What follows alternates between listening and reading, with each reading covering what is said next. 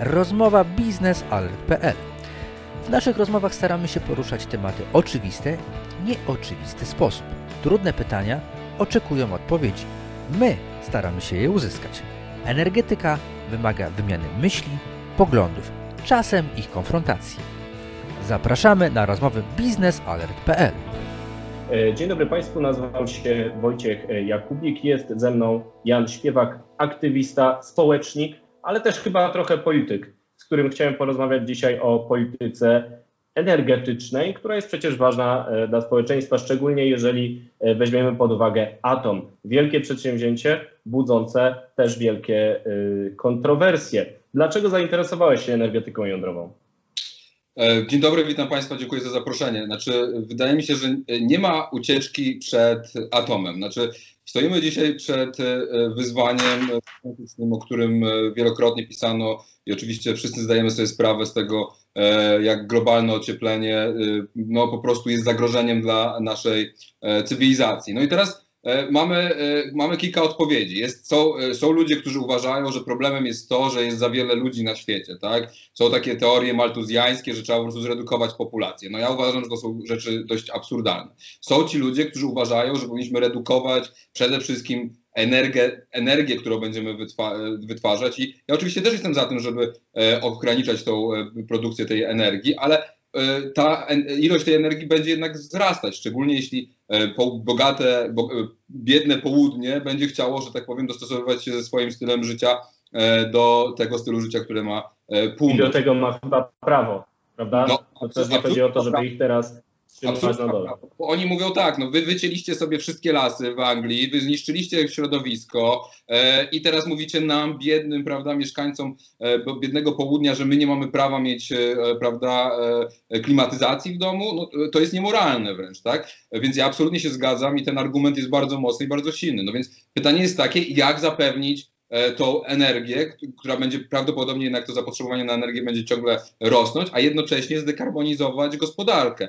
I jeśli patrzymy na istniejące przykłady na świecie, które już funkcjonują, no to najlepszym przykładem wydaje mi się być Francja. Tak? Francja jest dużą gospodarką przemysłową, która ma bardzo czysty, czysty ten miks energetyczny, przynajmniej do tej pory miała. I w ciągu, jak patrzyłem na na statystyki, na e, dane historyczne, to właściwie Francji udało się zdekarbonizować tą gospodarkę w ciągu dekady. To były lata 70., kiedy Francja postanowiła zainwestować e, w tą energetykę atomową i faktycznie doprowadziła do praktycznie pełnej dekarbonizacji e, swojej gospodarki nie, nie, niemalże 10 lat, więc bardzo, bardzo szybko. Więc wydaje mi się, że to jest droga, którą musimy podążać. Widzimy też, co się dzieje z blokami energetycznymi, atomowymi, jądrowymi, które są wyłączane na świecie. No, nie zastępuje ich OZE, nie zastępuje ich e, wiatraki, e, panele fotowoltaiczne, tylko zastępuje ich, tak się składa dziwnym trafem, gaz albo węgiel. E, widzimy, że jest to też zagrożenie dla naszego bezpieczeństwa po prostu geopolitycznego. Tak? Budowa Nord Stream 2 i budowa tego gazociągu no po prostu zagraża zagraża naszym interesom. Jeśli miałoby się stać tak, jak niektórzy analitycy mówią, że Niemcy chcą być takim hubem, prawda, gazowym, który po prostu doprowadzi do tego, że uzależni mnóstwo państw europejskich od rosyjskiego gazu, no to my się znajdziemy w dużym e, niebezpieczeństwie jako Polska, ale myślę jako cały też e, projekt e, europejski. Więc moim ale pojawiają się też kontrargumenty. Jeszcze dorzucę tutaj do tego naszego garnuszka jeden kontrargument popularny na przykład wśród lewicy zachodnioeuropejskiej, która mówi nam, że atom jest moralnie zły, bo zostają po nim odpady, bo jest odpryskiem całego sektora e, militarnego, jądrowego, który jest oczywiście zły. To są jeszcze echa tych protestów antynuklearnych z czasów zimnej wojny. Jak do tego byś się odniósł, bo przecież jesteś przedstawicielem lewicy, centrum? E, ja te łatki oczywiście mi z nimi jest coraz trudniej, ale okej, okay, na potrzeby tej rozmowy możemy uznać, że jestem przedstawicielem lewicy. Nasz oczywiście nie ma. Ka każdy źródło energii wytwarza pewnego rodzaju odpady, tak? Znaczy OZE też wytwarza odpady. Turbiny wiatrowe, no mówmy się, nie są y, tworzone z powietrza. E, baterie, które są e, tworzone, żeby magazynować tą energię, zresztą baterie, które e, no, chyba nie do końca na tym etapie technologicznym wystarczały nam jako stabilizator tak, energetyczny, no bo mówimy o gigantycznych bateriach, są wytwarzane z materiałów, z minerałów ziem rzadkich, minerałów ziem rzadkich, to się go tak nazywa, tak? E, przy których jest niszczone środowisko, a wręcz ostatnio przecież była całkiem zabawna e, sytuacja, zabawna, tragikomiczna sytuacja, w której Stany Zjednoczone e, doprowadziły do zamachu stanu w Boliwii, tak? I Donald Musk śmieszkował sobie, że będzie obalać kolejne rządy, żeby zdobywać te, ten, ten litium, tak? Czy, czy jak to się tam nazywa, tak? Znaczy, więc widzimy, że no, nawet ta, nawet ta czysta energia z, e, prawda, z OZE, za tym stoi przemoc, za tym stoją konflikty, za tym stoi bardzo brutalna gra interesów i też niszczenie środowiska naturalnego. Więc jasne jest to, że tworzenie energii będzie zawsze powodować pewnego rodzaju e, szkody dla środowiska, ale te szkody trzeba po prostu minimalizować i w tym momencie wydobycie uranu e, i produkcja energetyki, atom, po prostu budowa tych bloków atomowych wiąże się z najmniejszymi kosztami dla środowiska. Ja nie mówię o tym, żeby nie budować OZE, tak? Ja mówię o tym, żeby OZE jak najbardziej było i wzrastało jako udział naszego miksu energetycznego, ale nie da się na dzisiaj stworzyć bezpiecznika i stabilizatora dla dużych gospodarek, tak, bo mówimy o dużych przemysłowych gospodarkach, innego niż węgiel, gaz albo albo atom. I to jest, e, i mamy do wyboru te, te, te, trzy drogi, tak? I to widać doskonale po tym, co robi Belgia dzisiaj, co, robi, co, robi, co robią Niemcy, że, że albo atom, no albo węgiel, albo gaz. No ja wolę zdecydowanie chyba jednak atom. No i y, tutaj pojawiają się od razu obrazki z, ze znanego serialu Czarnobyl, który przypomniał nam o katastrofie w Czarnobylu i niektórych przekonuje do tego, żeby sprzeciwiać się wobec atomu, no bo zaraz nam wybuchnie. Zbudujemy pierwszy reaktor w 1933 roku, a w 1934 roku będziemy mieli Czarnobyl albo jeszcze gorzej Fukushima. Co o tym myślisz? Znaczy, y, to już kilkukrotnie było sfalsyfikowane. Ja nie pamiętam dokładnych tych e, liczb, no ale e, energetyka jądrowa, e, jakby w przełożeniu na liczbę ofiar, jest najbezpieczniejsza, tak?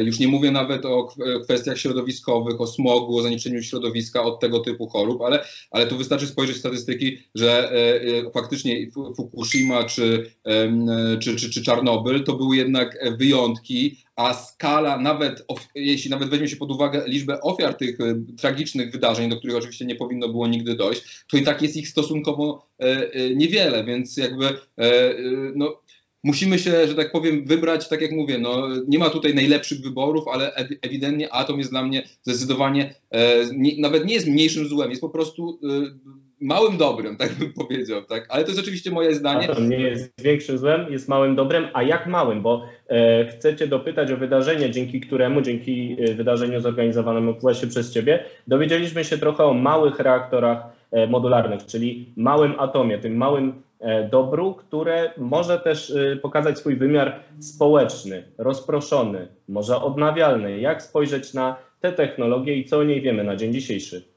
No, wiemy ani, że ona jest e, bezpieczna, że ona jest e, stosunkowo, może być e, stosunkowo tańsza. Bo oczywiście problem polega na tym, że jeszcze żaden ten reaktor nie powstał, tak? I że tak naprawdę poruszamy się ciągle w pewnych no, no wariantach przyszłości, co do których e, pewności, że się wydarzą, mieć e, nie możemy. Mnie bardzo jako samorządowca, mnie bardzo zainteresował ten model, który właśnie Amerykanie realizują w, w, w, którzy inwestorem tej pierwszej, e, tego pierwszego reaktora E, właściwie tych reaktorów, bo tam ma być ich, e, zdaje się, kilkanaście e, obok siebie poustawianych, jest spółka stanowa, jest spółka, która należy do, do to jest UAMS, czyli Utah już nie pamiętam dokładnie, ale w każdym razie jest to spółka stanowa, która e, jakby zdobywa poparcie lokalnych e, społeczności przez to, że już można się dzisiaj jakby zapisywać na tą energię, tak? Czyli jakby te społeczności i te lokalne podmioty mówią, że one będą za 10 czy 15 lat, jak, jak już to zacznie wszystko hulać, e, będą faktycznie kupować tą energię. I ten model pozyskiwania partnerów samorządowych i jednocześnie zapewniania jakiegoś finansowania i rynku zbytu jest moim zdaniem bardzo dobry i też pokazuje, buduje świadomość społeczną. Więc e, dla, mnie, dla mnie jest to e, kluczowa jest kwestia moim zdaniem w Atomie, oprócz oczywiście problemów technologicznych, na których ja się nie znam jako samorządowiec, bardzo mnie niepokoi, że tyle to trwa. Tak? Znaczy, że nie, bardzo jestem zaniepokojony tym, że budowa elektrowni atomowej w Polsce nie wyszła e, nawet z poziomu wyboru lokalizacji. Tak? Znaczy, e, ale też na zachodzie te projekty atomowe trwają bardzo długo. Nie wiem, z czego to dokładnie wynika, ale, e, ale jako samorządowiec zdoby, przełamanie tej negatywnej opinii którą ma atom, tej gęby, którą atomowi e, przyprawiono w ciągu ostatnich 20-30 e, lat, jest absolutnie kluczowe. Bardzo mnie ucieszyło też wiadomości niedawne z Finlandii, gdzie, e, gdzie szefowa Zielonych, bo to byli przecież głównie Zieloni, prowadzili tą krucjatę przeciwko atomowi, powiedziała, że przypadku SMR-ów, czyli właśnie tych małych reaktorów, gdzie zagrożenie jest mniejsze, chociaż e, jakby, jakby wszystko jest jakby e, bezpieczniejsze, e, że ona jakby tutaj nie, nie stawia weta, tak? I to jest ogromna zmiana i liczę i bardzo bym chciał, żeby, zielo, żeby ta, ta zmiana faktycznie wśród zielonych miała miejsce, bo widzimy, że zieloni też na zachodzie zdobywają chociażby w Niemczech coraz większą popularność w związku z kryzysem klimatycznym, no tylko, że rozwiązania, które proponują są oparte trochę o, na, na, magicznym myśleniu, a nie na, nie, a nie na faktach. I, i, to jest, I to jest ogromny problem e, w dyskusji.